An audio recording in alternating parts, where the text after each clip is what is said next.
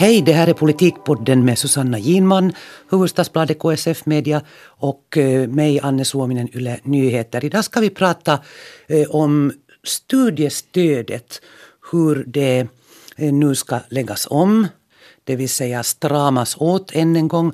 Och vi ska tala om uppgörelsen på arbetsmarknaden, eller det här så kallade samhällsfördraget. Men vi börjar med studiestödet och där hade ju kommit då det är inte något beslut ännu men det är ett förslag av en utredande professor, Roope Uusitalo, om att hur man ska ordna om studiestödet eftersom man då ska spara pengar. Och det där Eh, vi tänkte att vi skulle börja med att citera SUs ordförande Ida Schåman som har sagt att det här är Samlingspartiets våta dröm. Att de tar nu bara det här sparande som en förevändning för att göra det som de alltid har velat göra, det vill säga praktiken höja eh, andelen studielån och banta ner andelen direkt studiestöd. Och det är just det som den här professor Rope Uusitalos förslag går ut på, att, att äh, låneandelen skulle bli betydligt högre. Ingen skulle förstås vara tvungen att ta ett lån, men, men när studiestödet idag för högskolestuderande är, är drygt 300 euro per månad plus en bostads tillägg så, så skulle det vara 250 euro i månaden i framtiden om det här Uusitalos förslag går igenom och så skulle man då kunna ta lön till. Och den här, in, till, den här inbesparingen så spikas ju redan i regeringsprogrammet. Eh, det ska sparas 70 miljoner euro på eh, studiestödet nu under den här regeringsperioden och sen på sikt 150 miljoner. Nej, 250, 250 faktiskt. Ursäkta, ja, så det, det, är ganska mycket pengar. Det är mycket pengar, men det här har också fått kritik, intressant nog, också inifrån regeringen, eh, från Centern så kom det ganska snabbt kritik mot det här förslaget och uttryckligen mot det att, att det här Roope Uusitalo utgår från ett för stort sparbeting, det vill säga att han går över de här 70 miljonerna som står i regeringsprogrammet och gäller den här regeringsperioden. Så det ska bli intressant att se hur den här behandlingen nu går vidare då. Allt tyder ju nog på att man kanske lite, lite eh, skär ner på det här sparbehovet just eller, eller eh, den här låneandelen, höjningen av låneandelen och nedskärningen av själva studiepenningen. Men, men det är intressant att titta lite på, på hur studiestödet har utvecklats under åren. Eh, det finns nämligen siffror som visar att eh, kostnaderna för studiestödet eh, mellan 1994 och 2012 eller 2013 var det väl så, alltså på 10, 20 Vänta nu. Nästan 20 år. 20 alltså. år. Mm. Så kostnaderna har egentligen inte ökat alls. Utan de, de har nu varit 2013 så var statens studiestödsutgifter 784 miljoner euro. 1995 så var det 795 miljoner euro. Då är det korrigerat med, med levnadskostnadsindex. Och antalet studerande, en stor orsak till det här är att antalet studerande egentligen inte har ökat. Det har till och med minskat under något år. Men, men kostnadsmässigt så har utgifterna för staten egentligen inte ökat alls. Men i det här stora spartalkot nu så ska då också de studerande, det räcker inte med att man skär på själva utbildningen, universiteten, utan också de studerandes utkomst. Och det är, ju, det är ju just i det sammanhanget man kanske ska se det här att, det, att nu skär ju regeringen ner ganska mycket i alla utbildningsstadier börjande från dagvård och slutande med högskolor och universitet eh, som ju redan gör det svårare när det gäller utbildningen, att ordna den och ha en hög nivå och så vidare. Och, det där, och vi vet ju att studenter eh, redan nu har ganska svårt att klara sig, särskilt i, i städer och alldeles särskilt här i huvudstadsregionen där det är så fruktansvärt dyrt att bo. Så kritiken och bostadsbidrag är ju inte egentligen tillämpat enligt bostadsort utan Nä. det är lika stort Eh, oberoende av var du bor. Så att faktiskt här i Helsingforsregionen så, så borde det ju vara betydligt högre ja. för att eh, studerande på olika håll i landet ska ha likadana ja. möjligheter att bo Precis. Och många säger ju, om man studerar här i huvudstadsregionen så är det så att den studiepeng man får idag tillsammans med bostadsstödet, så det, det är det som går åt till hyran, alltså till mm. boende. Och sen att det där att man ska, måste äta också och så vidare, så det måste man då fixa på något annat sätt, ofta ju genom att jobba vid sidan om.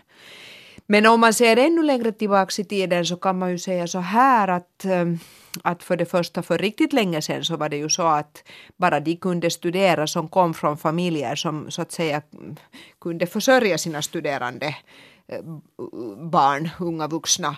Eh, och sen infördes ju just studielån och studiestöd med tiden för att eh, så att säga folk, också människor som inte kom från, hade en sån bakgrund skulle kunna studera. Och det har ju egentligen varit en liksom stor orsak till att Finland har klarat sig så bra internationellt. Precis just det att vi har en bra utbildning och en hög utbildningsnivå och så att som man brukar säga utnyttjar hela begåvningsreserven, det vill säga oberoende av bakgrund så ska man kunna studera. Och det är förstås också därför som det här nu väcker så pass mycket kritik för att man tycker att det går åt den här principen.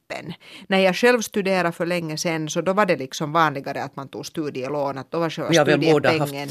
Vi har båda haft det på det sättet. Lån mycket mer än vi har haft ja. studiepenning. Precis, också om vi inte hade så hemskt mycket lån för vi började båda jobba i ett ganska tidigt skede. Ja, och då fanns det jobb också. Då, fanns då var det, det jobb. Ganska många, man Precis. jobbade ganska mycket Precis. som studerande då redan. Ja, att det där, och sen från 90-talet så det var då det ändrades alltså så att då började den här studiepengen bli en större del av och folk ville helt enkelt inte ta lån därför att under krisen på 90-talet så var ju räntorna skyhöga också om man fick ett räntestöd redan då så då slutade ju studerande nästan helt att ta lån. Man vågar helt enkelt inte göra det.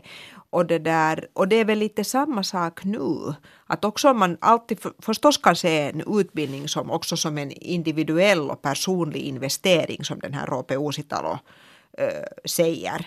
Så, så handlar det ju också om att får man ett jobb när man har blivit färdig och kan man så att betala tillbaka det här lånet eller vilka är ens förutsättningar att göra det. Att det är ju där så att säga problemet kanske då lite ligger. Och det här med att ta lån och att, att eh, man ogärna tar ett lån så, så det här, eh, det finns siffror på det här också. Eh, det är Folkpensionsanstalten som administrerar studiestödet. Och eh, deras siffror från 2010-talet, det var kanske 2012-2013, visar att över 80 procent av de studerande också har andra inkomster än studie sjukpenning och studielån. Det vill säga, de jobbar mer eller mindre. Och det här är ju någonting som då beslutsfattarna, inte bara den här regeringen utan redan den förra, förrförra regeringen tycker att det är ett problem eftersom det är så många som går i pension. Så vill man att folk ska studera snabbt, snabbt, snabbt och bli färdiga och snabbt komma ut på arbetsmarknaden. Nu skärps ju de kriterierna också. Precis, man ska också studera snabbare för att få det här studiestödet och alla de här Eh, förmånerna som hör till det. Men det där, man kan ju tycka jag lite nog fundera på det där att, att, att, vill, att hurdana människor kommer ut på arbetsmarknaden om de så att säga bara studerar och studerar och inte jobbar och inte kanske har så stor erfarenhet av att jobba olika sorters jobb och arbetsmarknad. Att jag inte jag tycker att det nog också ger en erfarenhet, till och med också i de fall när det, det där själva jobbet inte har någonting att göra med det som man egentligen studerar och ska jobba med i framtiden. Att jag tror nog att också arbetsgivare uppskattar det att, att folk har arbetserfarenhet. Och det här är ju Eh, eh, om jag har förstått det rätt så är det här ju också den nya trenden om man ser på alla de här klustren som har utvecklats kring universitet, Uleåborg och Vasa. Så att, att tanken är att man ska studera och eh, samtidigt ha foten inne i, i arbetslivet. Att man ska liksom närma studerande och företag och, och, och, så här för att eh, just utveckla de här färdigheterna medan man studerar och få en lite bättre bild av vad det sen handlar om att jobba. Ja. Eh, jag var på den här presskonferensen där Roope Uusitalo presenterade sitt förslag och, och undervisnings och kulturminister Sanni Grahn Larssonen från Samlingspartiet tog emot det. Och, det där, och då hade nog Roope Uusitalo satt ner en del energi på att fundera, att, och det var också faktiskt inskrivet i hans uppdrag, att hur skulle hans, för, hans modell för det blivande studiestödet eh, falla ut så att säga just utgående från folks bakgrund. Och, och så som han hade gjort det, på, till exempel hade han just precis jämfört med vad hände då på 90-talet när folk slutade ta studielån och istället började eh, leva på studiebidrag för att man kan då tänka att det nu skulle liksom ske omvända motsatta utvecklingen om man igen så att säga ska ta mera lån. Och hans slutsats bland annat på basen av det var den att, att det här inte skulle falla ut så att att det, där, att det uttryckligen skulle drabba människor som ha, kommer från äh, familjer som, som inte är hemskt välbeställda, som har en, en, en mera utsatt socioekonomisk situation om man vill nu uttrycka det på det sättet. Men sen finns det ju nog i de här reaktionerna som har kommit på det här förslaget så är det här nog ett av de viktigaste argumenten att det här slår ut på ett så att säga orättvist sätt ur en, en social och ekonomisk Men Samtidigt synvinkel. så finns det ju nog också forskning som, som visar att det är inte så här entydigt. Att det som påverkar eh, det är ju att börjar du studera eller inte högskolestudera då framförallt så, så är förknippat med föräldrarnas utbildningsnivå. Det vill säga är föräldrarna lågutbildade, lågavlönade så är sannolikheten för att du också blir det större än om de är högskole och universitetsutbildade och högavlönade. Att, att det liksom har en större betydelse än det om, om man nu är välbärgad eller inte. Precis, men då kan, det finns ju nog också ett samband mm. där. Men, det där men, men därför kan, har jag tänkt så här att, att det där, jag, jag ser liksom att risken är kanske då den att du, att du aldrig ger dig in på de här studierna. För att du liksom, och det är ju hemskt många olika saker som, som påverkar det givetvis. Men, men då det här att utsikten att du måste skuldsätta dig kan liksom vara droppen som eventuellt får då den bägaren så att säga att, att rinna över. Att det kanske då man uppfattar att, att det inte lönar sig även om jag själv till exempel tänker så här att det är ju klart att utbildning alltid lönar sig. Precis, precis som det där Uusitalo sa, men det handlar ju också lite om vilket perspektiv man har och hur långt framåt man kan tänka. Plus att det då handlar om vilken bransch du väljer. Att om du blir barnträdgårdslärare eller bibliotekarie, du ska bli magister, men den lön du får är faktiskt väldigt låg blir du läkare eller jurist så har du högre lön och också bättre chanser att, att vara ganska säker på att du får jobb. Och det här vet ju de studerande själva. Eh, jag råkade se ett eh, nyhetsinslag på tvn om den här studiestödsförändringen eh, då man intervjuar studerande och eh, en yngling, ung man, studerande eh, som studerar teologi och juridik så sa det här helt klart att mina ämnen, det som jag utbildar mig till, så där är ju utsikterna för att få jobb ganska bra. Då framförallt juridiken, teologin vet jag inte om det gäller. Men, men, men i varje fall att, att det är inget problem för mig att nu kan jag ta ett studielån. Men som du säger, utbilda dig då till de här eh, branscherna där det finns ett behov av arbetskraft, lågavlönade branscher och var tvungen att ta ett studielån eller mera i studielån för att klara det så, så där, där kommer nog frågetecknet.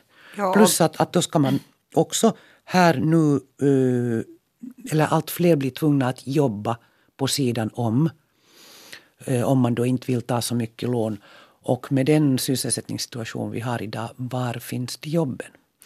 Precis. Dessutom, eh, om man igen kopplar till det här andra sparandet och, och universitetens och högskolornas liksom finansiering överhuvudtaget så är det ju på det sättet att de nu för tiden ska skaffa sig sin finansiering i högre grad så själva.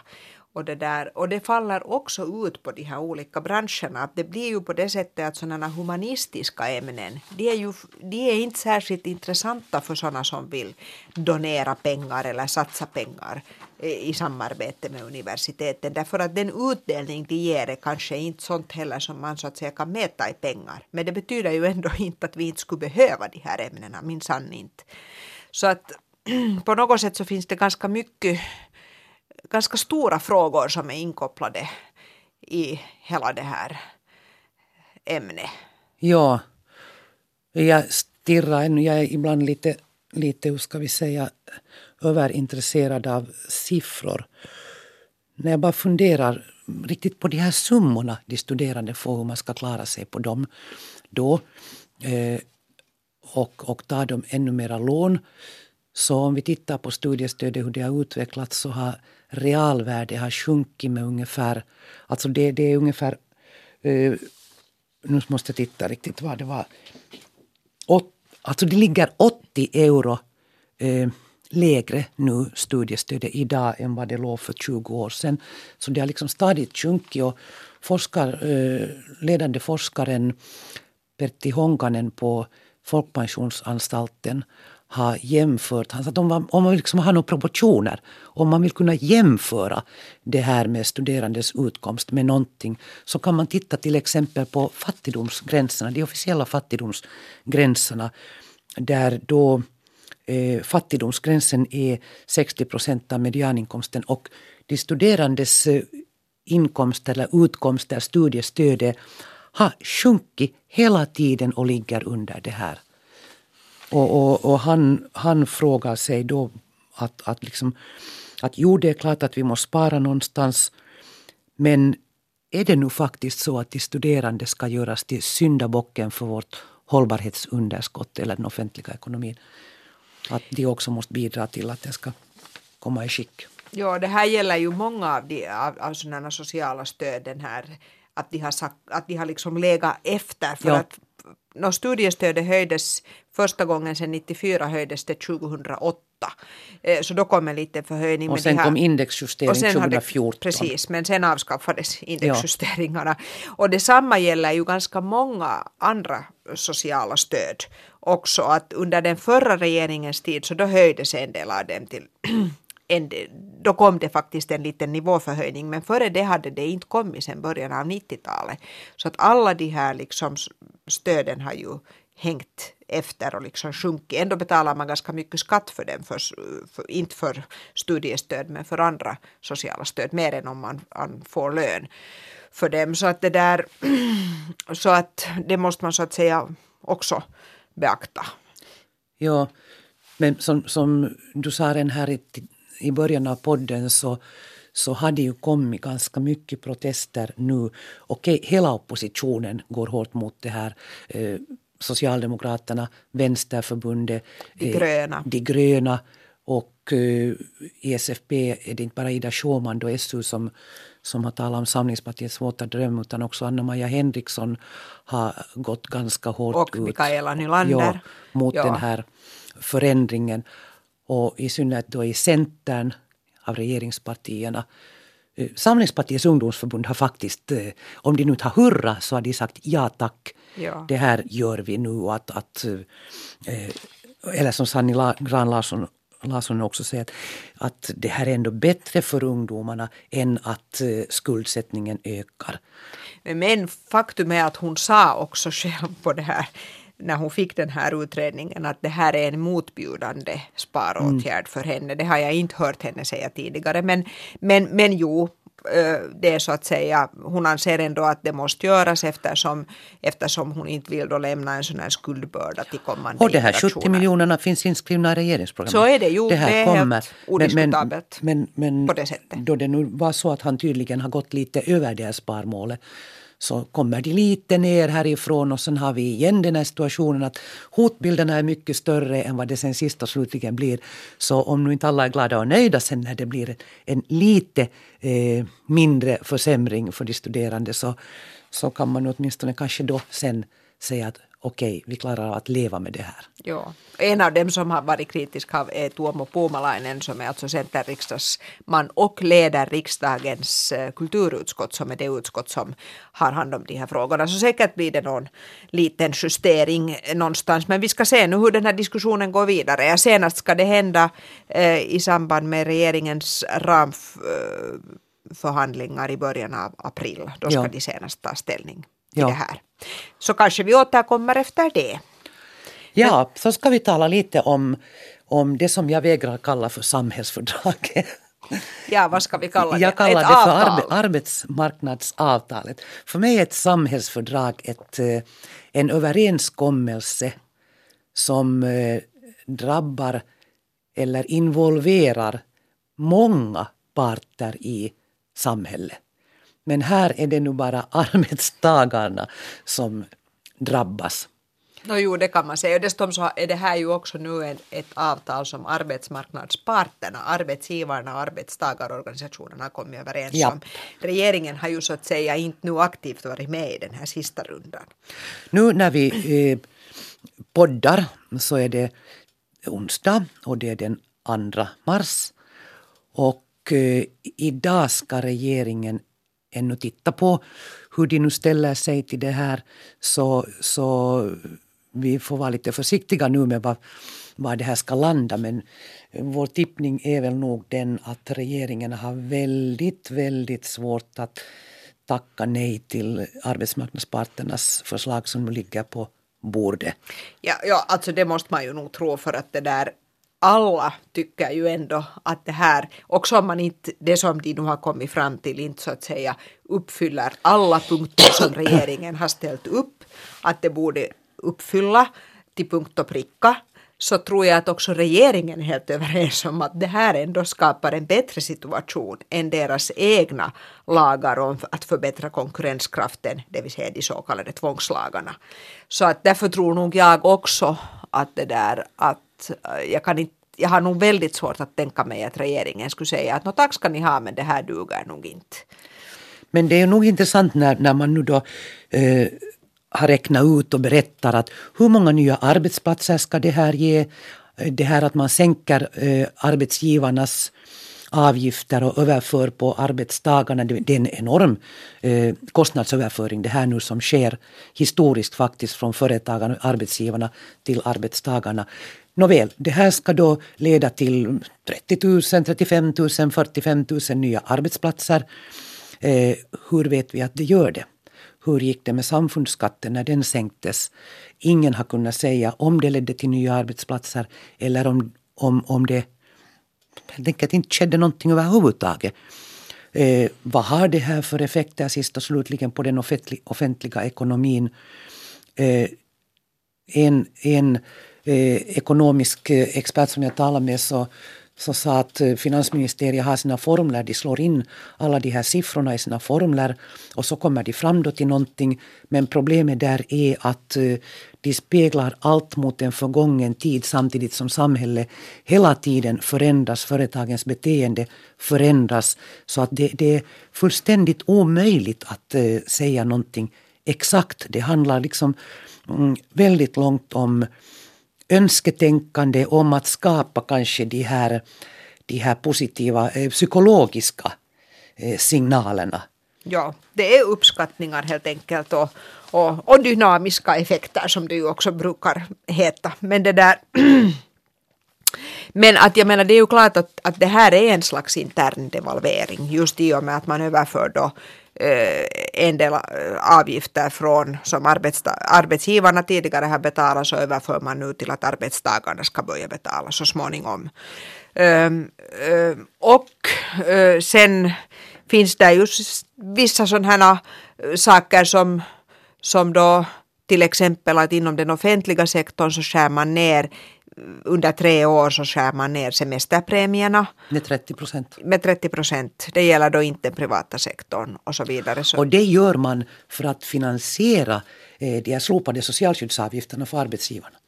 Det är alltså offentliga sektorns eh, lågavlönade kvinnor som betalar. ja, jag försökte fråga här när jag äh, träffade en sån här äh,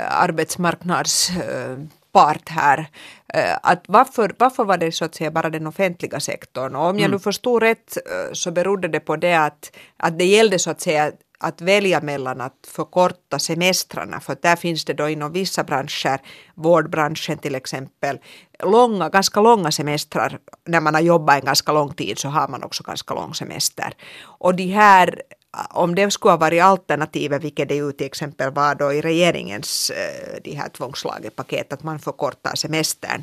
Så det var ett så eh, det var ett, tycker man var ett sämre alternativ att de här liksom semestrarna är på något sätt så viktiga och heliga. Och de, är, de har ju också införts som en kompensation för att lönerna är ganska låga. Ja, och för att lönerna har höjts mera inom andra branscher så har man här istället eh, förlängt semestrarna. Ja. Men, men så här ur ett eh, löne jämställdhetsperspektiv så, så är det här ju nog intressant än en gång att nu är ju kvinnans euro, lite beroende på om man räknar liksom branschvis samma uh, arbetsuppgifter mot samma arbetsuppgifter eller genomsnittet så är det ju någonting på 80 eller någonting på 90. Ja, alltså 83 cent, cent är det väl sådär om man bara slår ut det ja. helt sådär schematiskt. Eh, men det stora problemet är ju nog det att att det finns en sån här segregation i vår arbetsmarknad, att det finns vissa kvinnoyrken, om man nu är jätteschematisk så kan man säga att kvinnor, det är sådana yrken där man, människor tar hand om människor. Och då får man nu får man schematiskt sett lägre lön än om man är en människa som tar hand om en maskin. Och, och, det där, och det här är liksom det här är en orsak till de här, en ganska viktig orsak till de här löneskillnaderna. Men så här nu, är det idag. Nu, nu har det ju funnits eh, tidigare jämställdhetsprogram som också tar sikte på, alltså regeringar har gjort re, jämställdhetsprogram som tar sikte på att också utjämna löneskillnaderna och få upp lönerna. Det som man nu kan göra som politiker det är ju inte särskilt mycket men, men få upp lönenivån inom till exempel då just den kommunala sektorn. Och när jag tittar eh, lite bakåt i, på gamla jämställdhetsredogörelser till exempel, det kom en år 2010, så eh, där påpekas att eh, Vanhanens andra regering faktiskt eh, stödde den avtalsrunda som, eh, som eh, gjordes då så stödde man det här målet att få upp kvinnolöner eh, inom kommunala sektorn med att eh,